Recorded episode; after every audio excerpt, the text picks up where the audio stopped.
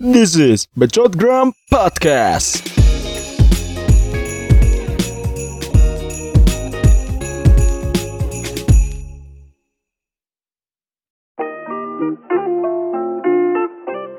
Alright, yo selamat datang kembali di Bacot Gram Podcast bareng Fahri di sini. gue bingung mau mulai dari mana lagi ya. Soalnya agak lumayan lama nih, lama-lama gitu. Maksudnya kayak dua minggu sekali. Gue baru bisa update. Karena tempat gue kerja itu kan bergerak di bidang pangan ya, retail. Jadi ya tetap buka, tetap distribusi, tetap melayani klien-klien, tetap melayani konsumen-konsumen. Kadang tiap weekend itu uh, gue masih dikasih kerjaan.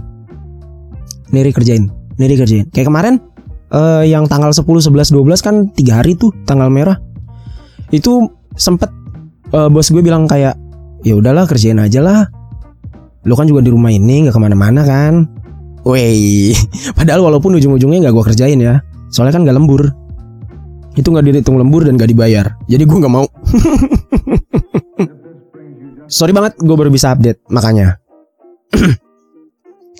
jadi uh, di episode ke-8 kali ini gue mau membahas tentang uh, sebuah momen dalam hidup ya kayak dalam hidup ini tuh nggak mungkin lah ya kita kan akan selalu terus berhasil gitu pasti ada gagalnya pasti ada obstacle-nya pasti ada hambatan gitu untuk mencapai sesuatu.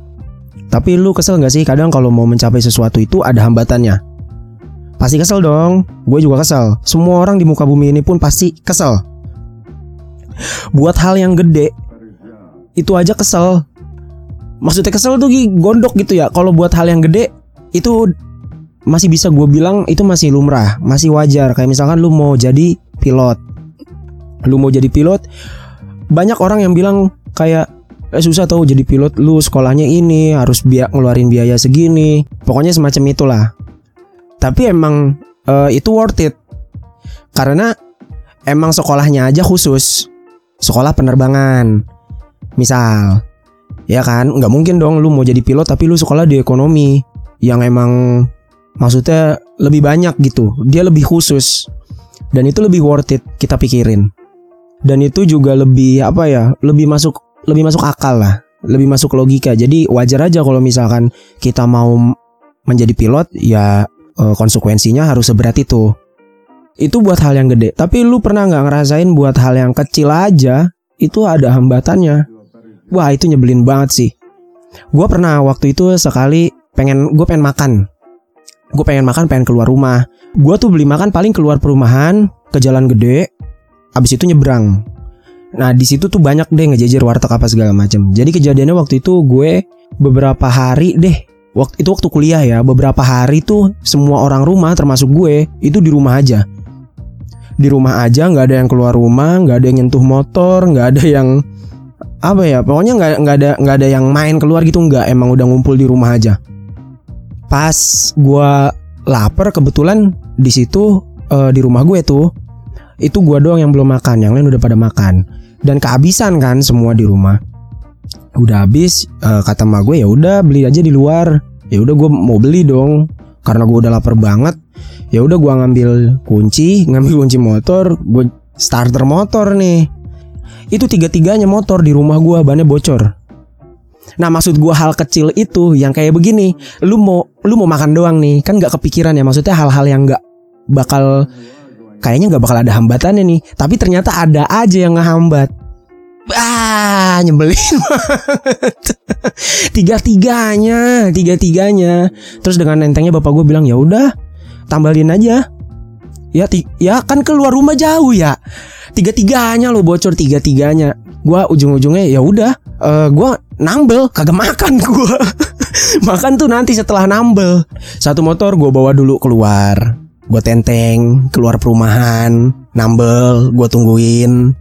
Udah kelar balik lagi ke rumah. Nggak kepikiran makan tuh gue kalau udah disuruh gitu emang jarang mikirin yang lain. Jadi gue udah fokus sama kerjaan gue dulu aja. Gue tambal tambalin dulu ujung ujungnya gue makan sore. Itu adalah hal-hal kecil. Itu hal kecil yang lu cuma mau makan tapi ada aja hambatannya. Ya salam. Nah buat hal-hal kecil yang ada hambatannya itu namanya apes bukan bukan bukan apa itu nggak lumrah menurut gua nggak nyampe aja di otak gue kenapa gue buat mau makan aja gitu kayak harus ada yang ngehambat Padahal gue cuma mau makan, gak mau gak mau jadi pilot gue, gue gak mau jadi TNI, gak mau jadi abri gue, gue cuma mau makan keluar. Entah kenapa ya otak gue tuh selalu merasakan keresahan-keresahan yang sekiranya itu kayak emang itu adalah chance buat kejadian kayak gitu tuh ada. Tapi otak gue tuh nggak pernah mikirin itu gitu. Jangankan gue, mungkin semua orang di dunia ini pun begitu kali ya buat hal-hal kecil kayak ah udah jalan aja. Ini mah apa sih orang nggak ada hambatannya tapi ada yang ngehambat. Nah nah buat hal-hal begitu itu namanya apes. Berarti lu lagi sial. Nah gue waktu itu lagi ketimpa sial berarti. Jadi di episode ke-8 ini kita akan ngebahas tentang kesialan. Momen-momen sial dalam hidup. Momen-momen apa ya menjengkelkan dalam hidup. Momen-momen uh, mental breakdown buat bikin lu bad mood seharian full uh so deep. nyebelin emang nyebelin. Jadi menurut gue momen tersial itu ketika lu tuh mau melakukan hal kecil tapi ada hambatannya. Itu yang tadi gue ceritain ya. Itu namanya momen sial. Atau sekiranya lu doang yang ngerasain itu. Orang lain tuh nggak pernah ngalamin kayak gitu. Lu doang yang ngerasain. Kalau gue banyak banget ya.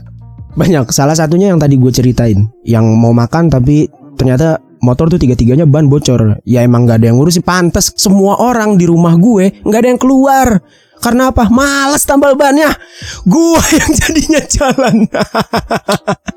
Jadi gue yang jalan Astagfirullahalazim Oh akhirnya terpecahkan Kenapa mereka semua kagak keluar rumah Karena tiga-tiganya bocor Emang gitu keluarga gue tuh Emang apa ya Orang-orang rumah gue tuh agak males aja Kalau buat ngelakuin hal-hal kayak gitu itu salah satunya yang paling tai sih ya. Itu pas gue nginjek tai kucing. Ya Allah, itu emang hal common gitu ya. Maksudnya semua orang pernah nginjek tai kucing. Cuma gue waktu itu nginjek tai kucing tuh pas ke sekolah, pas mau berangkat sekolah. Jadi gue lagi nunggu, nunggu angkot di halte gitu kan. Nah di halte tuh rame banget, serame-ramenya orang penuh, penuh dan hampir sebagian apa sebagian orang yang ada di halte itu itu naik satu angkot yang sama sama gue. Nah pas naik angkot ada bau-bau asem nih bangke kata gue. bau apa ya? Kayak familiar gue sama bau-bau ini nih. Asem apaan ya? Gue dalam hati ah cuma gue udah ya mungkin ada yang injek tai kucing. Gue mikirnya begitu, ya kan? Tahu-tahu semua orang kayak ngelirik ke gue. Keringet dingin kan gue ya dilirik orang, diliatin orang. Takutnya nih asam-asam memang dari gue, ya kan? Pagi-pagi masalahnya. Lagi rame banget itu angkot penuh. Gue kan suka ngeliatin orang-orang juga di angkot kan. Nah, pas turun, gue langsung lihat sol sepatu gue aja dan ya si anjing, nih TKP-nya di sini ternyata pantas semua orang di angkot tuh ngeliatin gue. dan gue berpikir kayak kayaknya di halte rame deh. Kenapa gue doang yang nginjek? Seinget gue nih ya itu di halte sebelah kiri gue ibu-ibu main HP lagi WhatsAppan, sebelah kanan gue bapak-bapak gitu loh. Lagi dia nggak ngeliat ke bawah, ngeliatin mobil aja. Cuma kenapa gue doang yang nginjek? Ya kan? Itu gue langsung kayak ngerasa jadi orang paling sial di dunia ini.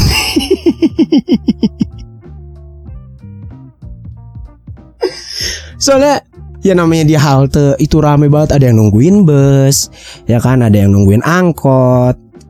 Angkotnya warnanya juga banyak. Jadi numpuk tuh di satu halte. Tapi cuma gue doang yang jadi tersangka. Astagfirullah. Itu bener-bener hancur sehancur-hancurnya itu. Mood gue ya maksudnya. Mood gue tuh udah hancur banget. Itu momen sial paling tai menurut gue. Terus setelah pas gue lihat sol sepatu gue emang ada TKP-nya di sini ya udah gue cuci deh. Langsung tuh gue ke pas di sekolah langsung ke toilet gue cuci. Cuma emang tai kucing tuh asemnya itu pekat banget asemnya. Bener-bener bener-bener pekat tai gitu loh. Wanginya astagfirullahaladzim kata gue kagak hilang-hilang ini bau. Ya kan gue semprot minyak wangi. Sama aja kagak mempan. Ya udah gue masuk ke kelas aja udah coba. Siapa tahu mudah-mudahan sih nggak ada yang nge gitu kan. Tahu-tahu uh, sebelah bangku gue sebelah bangku di di kelas gue tuh nyeletuk. Hmm bau tai kucing nih. Terus yang lain iya nih ya. Ya elah kata gua ngeh dia. Gua langsung pura-pura jadi buku. Anjing emang. Deg-degan bos. Deg-degan gue harus berkilah seperti apa. Orang udah bersih Tapi emang asamnya pekat tai kucing tuh. Wah itu udah Hancur lah mood gue di situ udah bete banget. Nah oke. Okay. Jadi Seperti episode 1, 2, 3 uh, Kemarin ya Kita akan ngebahas hal-hal yang ada di Instagram jadi gue di sini udah ngerangkum beberapa mungkin informasi ya buat kalian tentang orang-orang yang mempunyai momen sial dalam hidup yang gue ambil dari Instagram. Oke, yang pertama itu ada Jack Whittaker. Dia itu orang yang lumayan beruntung kalau menurut gue. Dia menang lotre sebesar 314 juta US dollar pada tahun 2002. Wow, beruntung banget tuh dia tuh. Beberapa waktu setelah ia memenangkan lotre, pencuri memecahkan kaca mobilnya dan mengambil koper miliknya. Terus abis itu duit hasil lotrenya dipakai sama cucunya buat beli narkoba. Tuh, gue kalau jadi dia pasti agak bingung juga ya. Soalnya kan kalau ya pas dia kemalingan it's okay lah emang. Kalau di Amerika gitu ya kalau di US kan lotre itu undian. Itu biasanya disebar uh, lewat media-media berita-berita. Ini dia menangkan lotre. Jadi si pemenang lotre itu menjadi pusat perhatian. Dan emang rawan banget buat dicolong buat dirampok gitu gitulah gue waktu itu juga pernah baca salah satu pemenang lotre di Amerika gitu itu dia pas penyerahan apa hadiah lotrenya ya itu dia pakai topeng. Nah terus sama media-media sana tuh ditanya kenapa lu pakai topeng? Karena gue nggak mau nanti keluarga terdekat gue kayak kerabat, saudara gitu-gitu Pada datang ke gue terus minjem duit ke gue. Terus gue juga takut yang namanya dirampok. Itu boleh, boleh banget Jadi lu boleh banget yang namanya pakai topeng Atau merahasiakan identitas lu gitu boleh banget. Soalnya emang resikonya begitu. Di US tuh lebih apa ya harus lebih berhati-hati lah. Soalnya kan di mereka di negara mereka gitu loh. Itu juga kan mempunyai apa kepemilikan senjata api ya itu juga legal. Tapi silencernya itu ilegal. Silencer tuh peredam. Lu masih boleh punya senjata-senjata begitu. Emang rawan jadinya nah kalau yang sama cucunya ini loh kenapa buat narkoba lagi astagfirullah tahu aja cucunya ah, kakek gue banyak duit ini ambil setilep dua tilep tiga tilep habis lama-lama. ya Allah. Itu yang pertama. Yang kedua itu ada Kostis Mitsotakis. Dia uh, bisa dibilang Mas Kostis ya. Ini orang Spanyol. Itu adalah pria paling sial di Spanyol. Jadi ceritanya di Spanyol itu ada sebuah lotre juga gitu, ada sebuah undian lotre dengan hadiah besar yang bisa dimenangkan oleh banyak orang. Luar biasanya lagi, ada satu desa bernama Sodeto yang semua penduduknya beruntung berhasil memenangkan lotre di tahun 2011. Oh ya sorry, maaf gua ralat sedikit. Hampir semua orang jadi pemenang lotre karena ada satu orang yang nggak menang lotre. Ya, itu si Mas Kostis itu sendiri. gue bisa bayangin loh yang jadi di sini tuh fotonya ya. Nih gue lihat foto-fotonya. Nih mereka semua merayakan kayak pesta gitu loh di alun-alun desa ya kan? Uh rame. Woi menang semua. Tapi ada satu orang yang gak ikut duduk sendirian senyum gitu. Ke kerumunan yang lagi pada pesta. Ya Allah kasihan banget. Kasihan banget. Tapi tenang aja Mas Kostis. Tenang. Bukan anda aja yang pernah ngerasain itu. Saya pun pernah.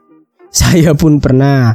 Gue dulu pas SD gue pernah ngerasain kayak gini gue tuh sama satu geng gue pernah apa ikut ke abang-abang cabutan gitu loh. Depan SD kan suka ada mainan tuh yang cabutan kalau ditarik dapat hadiah. Lu bayar berapa? Nih tarik nih. Ntar hadiahnya apa? Nah gue tuh satu geng berlima apa berenam gitu. Nah itu semua teman-teman gue tuh pada dapat. Ada yang dapat ketapel, terus ada yang dapat jam tangan, jam tangan yang ya yang jam tangan murah lah itu mah. Ya kan, yang paling kecil itu dapat ciki permen isinya gitu-gitu deh. Gua dong yang nggak dapat. Wuh, jadi bancengan seharian full saya. Sangat hancur. Dulu zaman SD tuh ngerasa hancur dalam hidup tuh udah cuma sekedar itu aja. Yang lain dapat hadiah lu enggak. Yuk, abang-abang cabutan yuk. Ayo, cabut tarik eh dapat ketapel nih gua nih weh anjing dapat ketapel ayo main tapel lah yang satu, wah anjing gue dapet jam tangan, jam tangan Power Ranger yang bisa dibuka gitu. Yang murah, tapi murah itu. Cuma kan sengganya anak SD dapat begituan seneng men. Jangankan yang begitu, temen gue yang paling terakhir itu dapat isinya tuh yang ciki yang ya ciki yang kecil sama permen aja itu juga seneng dia.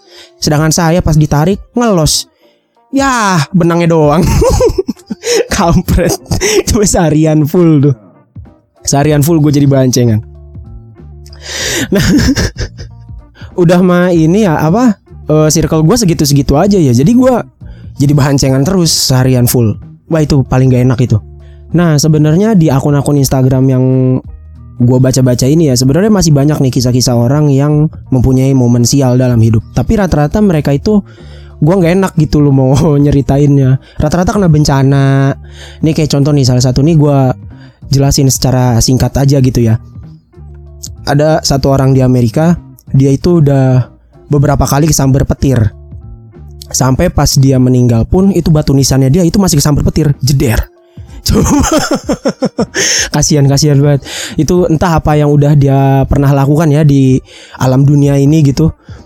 Sampai alam pun segitu kesalnya sama dia udah meninggal batu nisannya juga masih disambar petir aja Gua nggak nggak berani bercerita banyak lah nah jadi apa momen sial dalam hidup lo apa sama kayak gue nginjek tai kucing dicengin seharian full di sekolah gara-gara nggak menang cabutan atau kayak mas kostis yang lu nggak dapat lotre nggak dapat undian lu nggak nggak nggak dapat hadiah di satu desa kalau misalkan momen apes itu cuma sekali atau dua kali sih it- it's okay lah ya. It's okay banget.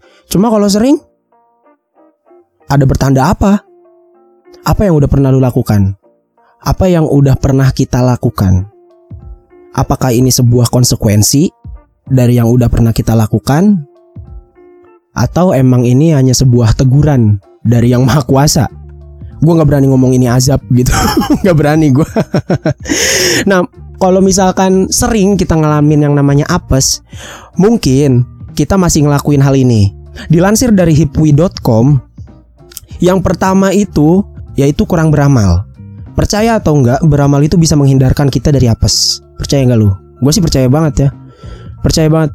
Emang tolak bala lah ibaratnya. Jangankan di apa? Jangankan di tradisi ya, di agama pun itu dianjurkan gitu dianjurkan untuk beramal, dianjurkan untuk kayak bersedekah, zakat. Itu tuh penolak balak semua tuh. Yang kedua itu sering berbuat dosa kepada orang tua. Pernah nggak lu dosa sama orang tua lu? Saya mah sering kayaknya ya. Soalnya gue tuh tipikal orang yang gue tuh nggak tahu emak gue tuh apa sih yang lagi dirasain. Entah itu misalkan gue ngegentak sedikit pun dia sakit hati kan nggak tahu dia kan bisa bilang oh oke okay, oke okay, it's okay fine fine aja gitu tapi kan secara nggak langsung kalau di agama ya itu juga termasuk perbuatan durhaka berbuat dosa kepada orang tua itu bukan cuma durhaka ya. Membohongi dan mencuri uang orang tua juga salah satu perbuatan dosa. Sekali dua kali ya masih bisa maklum lah. Namanya juga manusia ya kan? Tapi kalau udah sering apalagi menjadi kebiasaan uh hati-hati aja lu. Bukan cuma sering apes eh, tapi bisa-bisa juga dulu dikutuk. Ih mau lu dikutuk jadi pohon ceri? Ya kagak mau gua. Yang penting jangan pernah berbuat orang tua marah dan sakit hati aja dah. Yang ketiga itu terlalu banyak musuh. Nggak peduli manusia yang baik atau jahat yang namanya musuh ya tetap aja musuh. Tidak ada gading yang tak retak nabi aja tuh punya musuh apalagi kita yang manusia biasa. Biasanya tuh musuh-musuh doanya jelek-jelek ya jarang ada yang bagus. Nah itu tuh yang bikin kita apes. Apalagi musuhnya itu yang terbuat dari kezoliman kita terhadap dia. Ah itu udah kelar loh. Soalnya kan doa-doa orang yang terzolimi itu sangat sangat apa ya sangat istimewa. udah kelar lu makanya jangan pernah nyari musuh deh. Mending lu cari temen. Soalnya lebih lebih gampang nyari musuh. Hati-hati aja makanya. Lu nyari musuh nih ada orang lewat timpuknya batu jadi musuh kelar. Mending banyak-banyakin nyari temen. Emang susah nyari temen tuh paling susah. Terus yang keempat itu adalah pikiran yang negatif. Pernah nggak lu negatif thinking, mikir-mikir hal apa yang akan terjadi. Nah, biasanya hal-hal yang akan terjadi terus lu pikirin dengan negatif, ya negatif juga nanti kejadiannya. Soalnya emang itu udah jelas, itu udah logis ya. Kenapa udah logis? Soalnya contohnya ya Deddy Corbuzier, lu lihat Deddy Corbuzier. Dia itu pernah mecahin gelas, makanya kekuatan pikirannya dia. Kalau negatif thinking lu kuat, kelar hidup lu. Wuh. hancur, hancur. Jangan pernah deh, jangan pernah lu negatif thinking nanti buat ke depannya kayak gimana kayak kalau guru ngaji gue tuh bilang, duh besok makan gimana ya? Nah itu tuh, jangan dah. Besok bisa kok makan. Udah gitu aja mikirnya. Ditimpah, ditimpah. Jangan pernah berpikiran negatif. Dan lebih logisnya lagi namanya pikiran itu bakal apa ya? Bisa dibilang kan pernah lu teman-teman lu kayaknya nih semesta mendukung deh. Gue mau berbuat ini kok hasilnya bagus aja ya. Itu karena pemikirannya dia juga positif. Sangat positif. Ketika kita berpikir positif atau negatif, jadi mau positif ataupun negatif itu dua-duanya tuh mempunyai kekuatan. Mempunyai kekuatan yang bisa mempengaruhi sekitar. Jadi kalau lu sering apes ya mungkin kekuatan pikiran negatif lu lebih kuat ketimbang positif lu. Jelas kan? Itu yang keempat. Nah, yang kelima itu sering ngeluh. Setiap keluhan yang keluar dari mulut itu adalah doa. Doa yang jelek tentunya. Jadi, sering mengeluh atau makin banyak doa yang jelek itu biasanya dijabah. Ucapan kan adalah doa ya.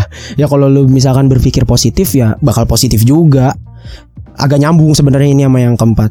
Di zaman sekarang kan bukan cuma ucapan doang yang menjadi doa. Tulisan lu di media sosial itu juga bisa menjadi doa. Hati-hati aja. Makanya kalau gue tuh lebih apa ya? Gue gue tuh juga kadang suka bukannya negatif thinking ya. Cuma gue suka melampiaskan kekesalan gue aja di media sosial gue. Jadi hasil akhir yang udah gue terima dari apa ya kejadian buruk dalam hidup gue loh Kayak gue misalkan diputusin gitu misalkan gue sama pacar gue dengan alasan yang gak jelas. Ah anjing lah. Nah gue pasti update itunya tuh. Ah anjing lah. Itu. Kalau itu enggak lah, enggak. Itu gitu enggak termasuk sama doa-doa yang jelek enggak. Itu emang gue melampiaskan kekesalan gue aja. Cuma jangan pernah lu ngeluh kayak, duh gini amat ya. Nah itu jangan deh. Walaupun itu di media sosial ataupun lu cuma cuma sekedar berucap seucap dua ucap gitu loh, jangan. Nah itu dia tadi uh, adalah sebagian orang yang mengalami momen-momen kesialan dalam hidupnya. Dan kalau lu misalkan sering ngalamin kesialan, itu tadi gue udah ngasih ya solusinya supaya bisa meringankan kesialan-kesialan dalam hidup kita. Yang paling ampuh sih nomor satu sama nomor dua. Uduh, bener sering beramal sama lu perbaiki deh hubungan lu sama orang tua lu. Mungkin ada yang renggang, mungkin ada yang jarang ngobrol. Coba diajak apa ya gue waktu itu pernah kan gue juga sempat ada konflik gitu sama sama bapak gue cuma waktu itu gue keluar main gue dapat pencerahan tuh dari salah satu teman gue dia lebih tua dari gue dan anaknya dia tuh seumuran sama gue nah dia bilang begini kalau lu nggak bisa berdamai dengan orang tua lu, lu nggak bakal bisa berdamai dengan kehidupan di dunia ini. Gitu dia bilang. Wah itu dalam banget sih. Sekian dulu aja dari episode 8 ini. Semoga bisa menemani lu yang lagi di rumah aja. Stay safe, stay healthy. Jangan lupa untuk pakai masker ke mana pun. Kalau bisa sedia hand sanitizer untuk cuci tangan di mana pun. Kalau lu masih keluar, masih kerja Jangan lupa olahraga teratur Makan, istirahat juga itu teratur. Semoga pandemi ini cepat berakhir. Ya karena gue juga udah ngerasa karatan di rumah. Terima kasih yang udah mendengarkan bacotan gue di podcast ini. Jangan lupa follow dan share ke teman-teman lu. Siapa tahu berguna bagi mereka. See you on the next episode Bye bye, see you.